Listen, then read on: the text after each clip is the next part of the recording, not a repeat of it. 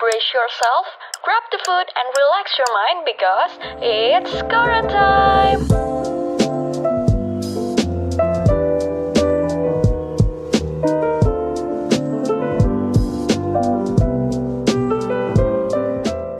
Pohon pinang, pohon cemara. Selamat datang di podcast Skora. It's Skora time. Pepatah pernah bilang, tak kenal maka tak sayang. Perkenalkan, saya Aditya Rahmat Zulfikar atau biasa dikenal sebagai Adit atau Azul, peer educator trainer yang akan memandu podcast kali ini. Nah, teman-teman di sini mungkin pada bingung nih, karena dari tadi sempat menyebutkan skora. Sebenarnya skora ini apa sih? Jadi di sini tugas saya untuk menjelaskan skora itu apa. Jadi, SKORA itu kepanjangan dari Standing Committee on Sexual and Reproductive Health and Rights including HIV and AIDS yang bergerak di ranah edukasi bidang kesehatan reproduksi termasuk HIV dan AIDS. Kebetulan banget nih, bertepatan dengan rangkaian campaign World AIDS Day atau Hari AIDS Sedunia ini, hari ini kita kedatangan tamu spesial di studio ini, sosok inspiratif dari Perhimpunan Dokter Kulit dan Kelamin Indonesia sebagai bentuk kerjasama dari CIMSA Indonesia melalui Skora dan Perdoski, yaitu Dr. Santoso Edi Budiono, spesialis kulit dan kelamin.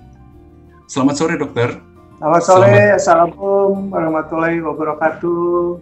Waalaikumsalam. Kalian. Selamat datang dokter. Dokter bagaimana kabarnya hari ini?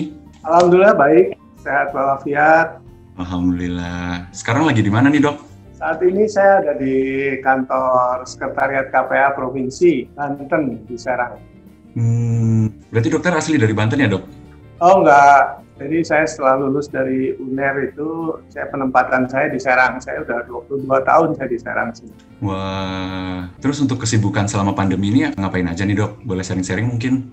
Ya, saya sebetulnya sudah pensiun sebagai ASN sejak 2017 ya dari Rumah hmm. Sakit Umum Daerah Prawira Negara di Serang.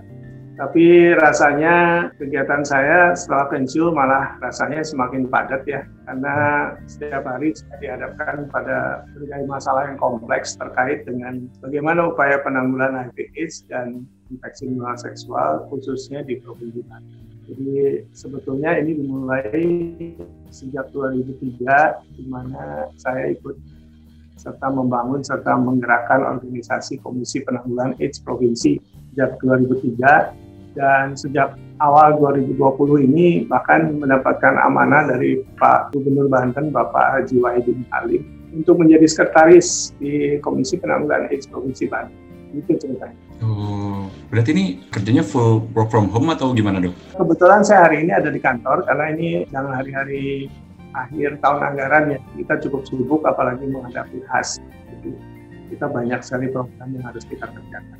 Oh, seperti itu. Kalau boleh tahu nih dok, di Perdoski, dokter sebagai apa ya? Di Perdoski, saya sebagai anggota biasa dan sebagai penasihat di pengurus cabang Perdoski Serang. Sementara di pusat, saya sebagai anggota beberapa kelompok studi, juga beberapa pengurusan kelompok studi, seperti kelompok studi penularan seksual Indonesia, kelompok studi herpes Indonesia, dan kelompok studi Dermatologi Sosial Indonesia. Wah, keren banget nih Dokter Santoso. Kira-kira dok, untuk mempersiapkan Hari AIDS Sedunia dari Perdoski sendiri ada ini tidak dok? Ada kegiatan gitu nggak dok? Uh, sejauh yang saya pahami banyak sekali terlibat ya, karena sekarang ini HIV Tidak bisa lepas dari penyakit seksual. Jadi mau nggak mau kita sebagai organisasi profesi tentunya harus ikut aktif. Gitu. Baik. Nah, ngomong-ngomong nih soal tentang HIV dan AIDS, mungkin boleh dijelasin dok, karena ini adalah podcast pertama dari Skora kita, jadi mungkin dokter bisa mengawali dengan menceritakan nih sebenarnya HIV dan AIDS itu apa sih dok, dan kenapa kita harus aware banget nih tentang penyakit ini? Ya, jadi seperti kita ketahui bersama bahwa HIV itu sebetulnya suatu spektrum spektrum penyakit ya yang menyerang sel-sel kekebalan tubuh yang meliputi suatu infeksi bisa suatu infeksi primer dengan atau tanpa sindroma akut ya. Kemudian stadium asimptomatik atau tanpa gejala yang bisa berlangsung cukup panjang antara 8 sampai 10 tahun. Hingga stadium lanjut dan AIDS yang merupakan tahap akhir dari suatu infeksi HIV. Seperti itu. Intinya HIV itu merupakan bagian dari suatu rumah besar yang kita sebut sebagai infeksi menular seksual karena salah salah satu penularan dari HIV ini kan melalui hubungan seks begitu tinggi atau sering dengan diganti pasangan. Ya, karena itu sering dikatakan bahwa keberhasilan penanggulangan HIV itu sangat ditentukan oleh beberapa besar keberhasilan upaya penanggulangan infeksi menular seksual. Baik, ngomong-ngomong soal infeksi nih dok, kalau boleh tahu sebenarnya sejauh ini kondisi dari HIV AIDS ini sendiri di Indonesia di masa pandemi ini seperti apa sih dok? Jadi sejak 9 bulan terakhir kita masuk pada pandemi COVID ini muncul beberapa permasalahan terkait dengan adanya pandemi COVID-19 yang sampai saat ini kita semua belum tahu ya kapan akan berakhir. Mudah-mudahan sih cepat ya. Permasalahan itu muncul dari pertama tentunya kekhawatiran terpaparnya ODA oleh COVID-19 karena mungkin banyak orang berpikir oh ODA itu mengalami penurunan sistem imunitas ya, sehingga mungkin akan lebih terpapar. Tapi nyatanya bukan seperti itu. Jadi masalah yang muncul itu selain kekhawatiran juga adanya peraturan pembatasan sosial berskala besar sehingga tentunya ODA akan mengalami kesulitan dalam akses layanan kemudian dalam mendapatkan distribusi obat ARV kita tahu ARV harus diminum setiap saat ya seumur hidup sampai pada masalah-masalah yang menyangkut mengenai penjangkauan untuk mengungkap kasus-kasus baru sampai membawa uh, orang yang kita curigai itu untuk mau melakukan tes PCR samping juga kesulitan atau hambatan dalam dukungan kita memberikan dukungan psikososial, ekonomi yang menurun karena kehilangan pekerjaan atau pendapatan. Dan seperti kita tahu bahwa risiko terpapar COVID-19 itu hanya bisa dikurangi dengan menerapkan protokol kesehatan yang konsisten dengan 3M tadinya, menjaga jarak, pakai masker, cuci tangan. Jadi artinya risiko ODA untuk terpapar COVID sebetulnya sama dengan orang yang nonton. Kalau di nasional itu kemarin Bu Direktur mengatakan di nasional yang tercatat ada 77 ODA yang terpapar COVID dari sekian banyak ODA ribuan kan ODA itu di Indonesia. Tapi hanya 77 dan yang sembuh juga banyak, yang meninggal cuma ada tiga orang. Tapi itu pun juga bisa terjadi karena mungkin ada komorbid ya. Kita tahu bahwa COVID itu ada parah ada orang yang punya komorbid seperti misalnya dia punya diabetes, punya hipertensi, kelainan jantung dan sebagainya. Jadi sebetulnya sama aja risikonya. Pokoknya begitu dia tidak menerapkan protokol kesehatan, risiko untuk terpapar juga sama besarnya. Iya, jadi uh, menarik banget nih. Tadi sempat disinggung oleh Dr. Santoso mengenai ODA. Jadi sebenarnya ODA ini apa? ODA ini adalah orang dengan HIV/AIDS.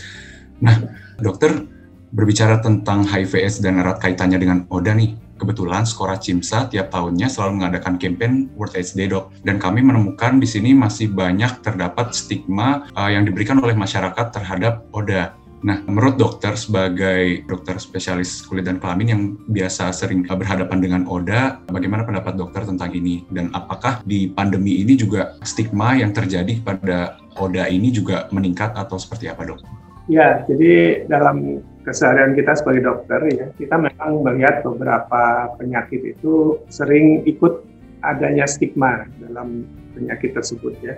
Jadi menurut Kamus Besar Bahasa Indonesia, stigma itu sendiri sebetulnya adalah ciri negatif atau cap atau tanda buruk yang menempel pada pribadi seseorang karena pengaruh lingkungan sebetulnya gitu. Dan ada tiga jenis stigma sebetulnya, bisa berasal dari lingkungan, bisa jadi atas stigma terhadap dirinya sendiri, jadi orang itu menstigma dirinya sendiri. Atau seseorang sudah mempunyai standar stereotype gitu ya, jadi kalau dia melihat kamu dengan PSK, dia sudah punya penilaian oh PSK itu begini. Padahal belum tentu sama, sama-sama PSK tapi mungkin nggak sama. Dan stigma itu adalah sebetulnya pada HIV AIDS dan IMS itu adalah masalah yang paling berat dan utama dalam upaya untuk penanggulangan HIV AIDS dan IMS. Karena kita tahu dengan adanya stigma sering terjadi ODA itu bisa menolak untuk mengakses layanan kesehatan, tidak mau membuka status dirinya pada pasangan atau pada keluarga, bahkan terjadi diskriminasi oleh lingkungan kerjanya atau sekolahnya atau bahkan oleh keluarganya sendiri dan akibat daripada stigma tentunya akibatnya status kesehatan orang ini bisa menurun, kualitas hidupnya juga menurun, dan yang paling parahnya itu adalah upaya untuk memutuskan rantai penularan menjadi gagal. Jadi kita gagal untuk memotong rantai penularan. Ya, setuju banget nih dok. Terkait stigma tadi adalah uh, suatu cara masyarakat memberi cap kepada ODA tersebut. Kebetulan juga beberapa tahun lalu juga saya melakukan suatu aktivitas juga terkait dengan ODA ini dan mereka juga terkait stigma ini mereka jadinya tidak berani untuk terbuka terhadap keluarganya.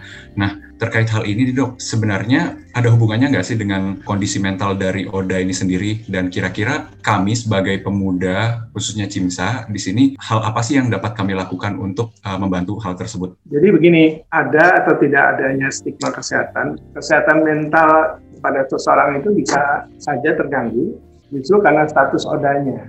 Misalnya dia merasa terpuruk, kemudian merasa depresi, tidak ada harapan, sedih, atau nanti khawatir ditolak oleh lingkungan, menyalahkan diri sendiri atau menyalahkan orang lain.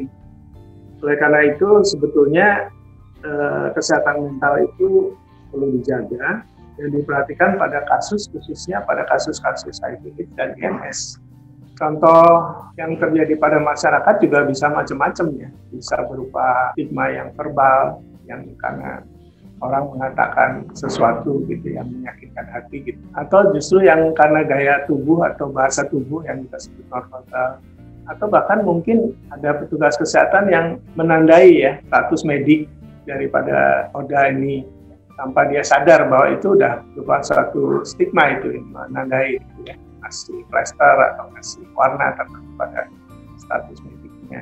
Atau bahkan orang menolak untuk kontak fisik ya atau makan bersama atau kehidupan dalam rumah yang sama nah itu juga bisa terjadi.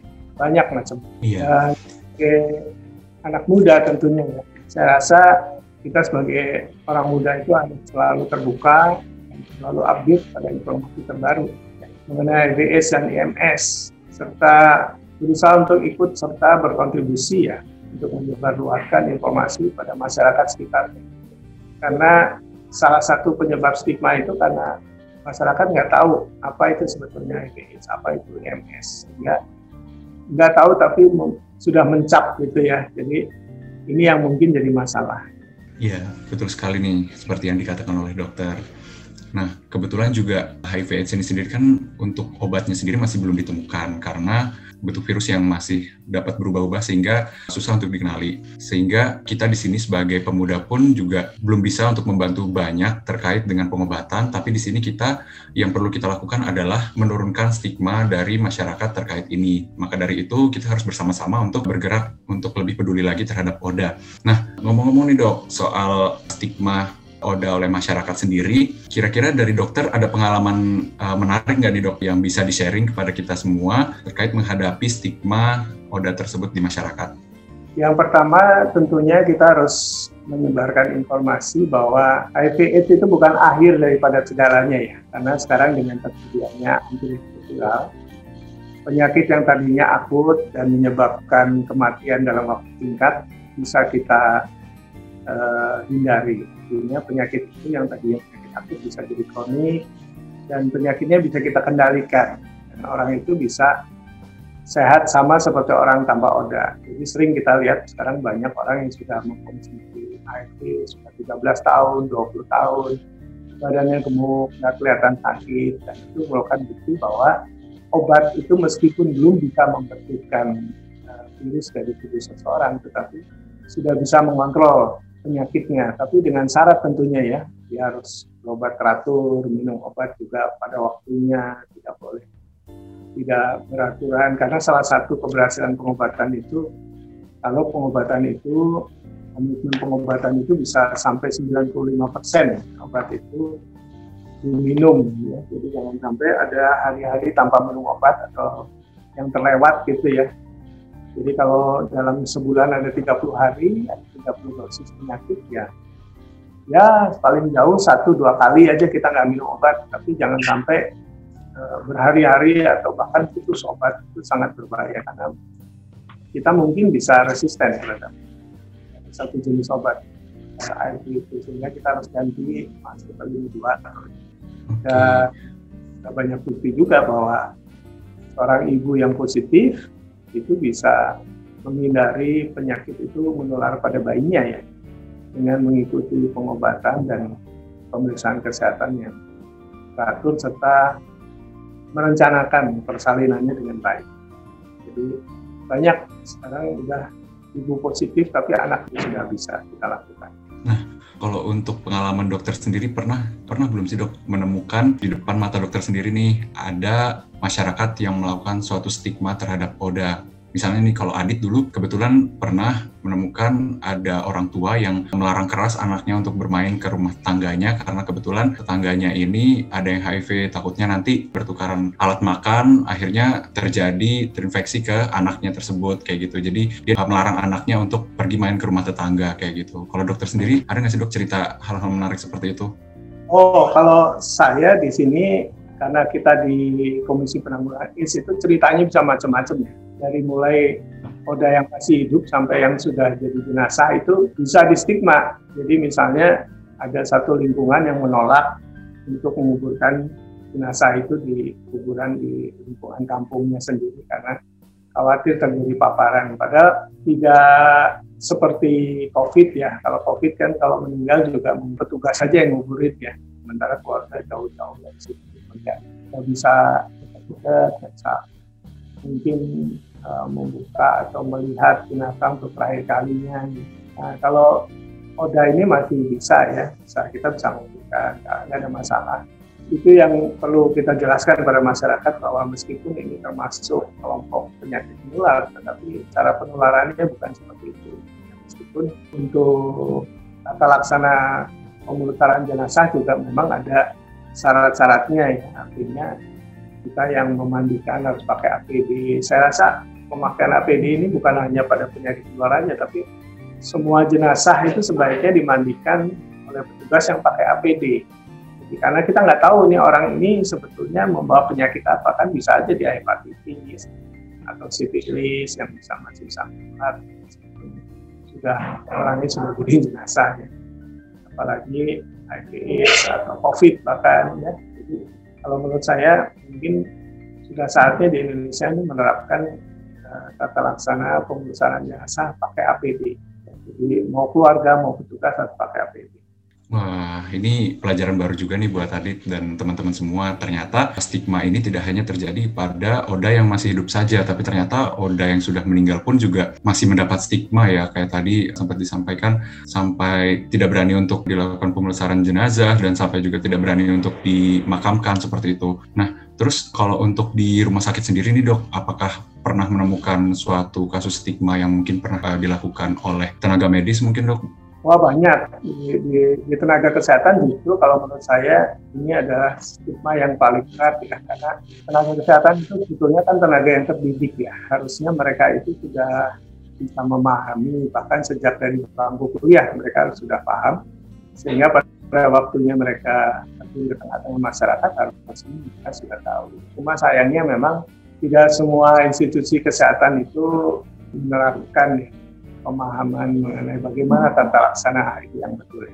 Bahkan seorang pakar pernah mengatakan kalau kita ingin belajar bagaimana merawat orang secara baik, itu cobalah merawat seorang penderita HIV AIDS ya, karena di situ tidak meng, tidak hanya aspek medis saja yang harus kita perhatikan, tapi juga aspek aspek psikososialnya.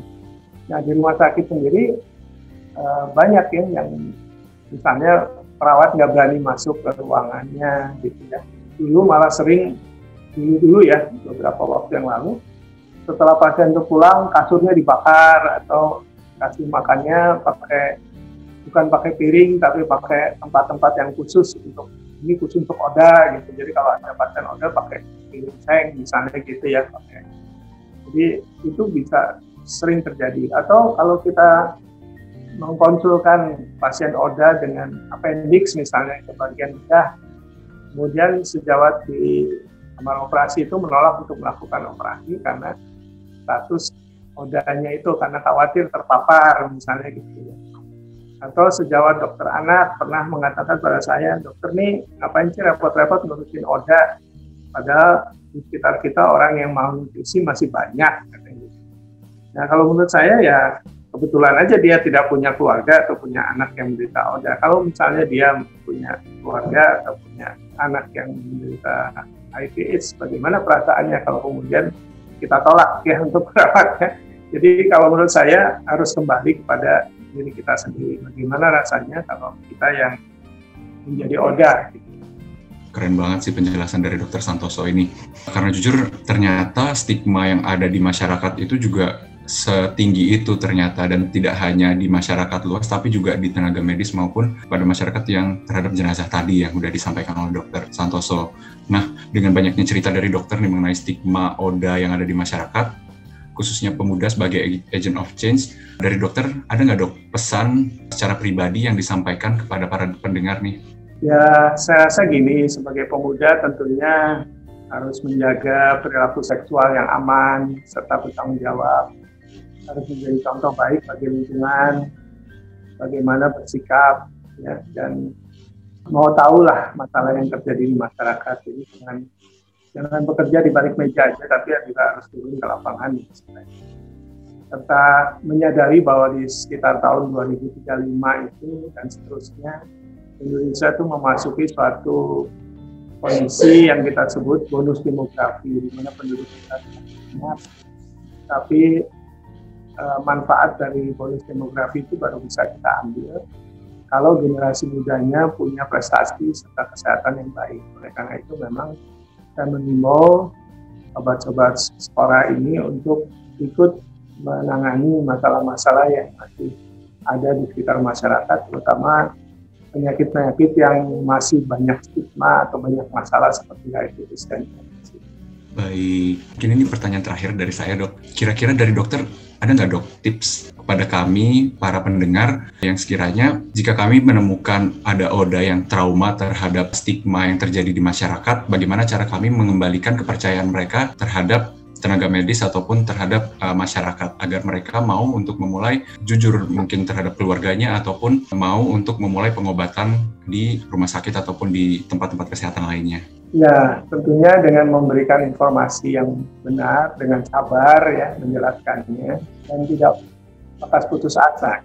Karena memang kadang-kadang seorang pasien itu membutuhkan seorang pendampingnya atau badis kita sebutnya. Jadi orang-orang yang pernah mengalami masalah yang sama. Contohnya seorang ibu rumah tangga ya, yang suatu saat mungkin dia diponis dia menderita HIV. Kemudian selama beberapa hari dia nggak bisa makan, nggak bisa tidur, kecewa terhadap suaminya karena dia menuduh suaminya yang mengalami. Nah, dia mungkin butuh seseorang untuk bisa menjelaskan. Seseorang itu tentunya orang-orang yang pernah mengalami nasib yang sama seperti dirinya. Jadi berbagi pengalaman, kemudian membesarkan kemudian mengatakan bahwa ya ini bukan akhir dari segalanya, artinya Anda masih bisa punya anak, Anda masih bisa membesarkan anak, bisa melihat anak-anak tumbuh kembang, dan itu hanya bisa dicapai kalau Anda mau mengakses pengobatan, mau minum obat secara teratur dengan sabar dan rajin melakukan pemeriksaan kesehatan dan selalu menjaga perilakunya di di waktu-waktu yang akan datang itu dengan perilaku yang lebih aman, lebih baik. Mungkin itu yang bisa dilakukan. Luar biasa. Baik, terima kasih banyak dokter atas pesan dan sharing ilmu yang telah diberikan hari ini mengenai stigma ODA di Indonesia. Mungkin apabila dari seluruh pendengar Skora Time ini masih terdapat sedikit ataupun kecil stigma kepada ODA, semoga telah mendengarkan ini, teman-teman semua dapat mengurangi ataupun menghilangkan stigma tersebut. Dalam episode pertama Skora Time, khususnya ini. Uh, saya juga mengucapkan terima kasih kepada Sobat Skora Time. Semoga dengan mendengarkan podcast ini dapat meningkatkan awareness kita akan hak ODA dan membawa dampak yang lebih baik pada masalah hak dan kesehatan seksual dan reproduksi di negara kita. Untuk Skora Time, jangan lupa stay tune di sosial media Skora untuk ikut berpartisipasi dalam World AIDS Day 2020. Kalian bisa follow Spotify Podcast, Instagram, dan Twitter Skora Cimsa di @skoracimsa, subscribe YouTube kami di Skora Cimsa, dan website kami di skora.cimsa.or.id. Untuk menutup hari ini, saya akan memberikan pantun buat teman-teman semua. Makan berdua di pinggir kota. Sampai jumpa di podcast berikutnya. Terima kasih, Skora.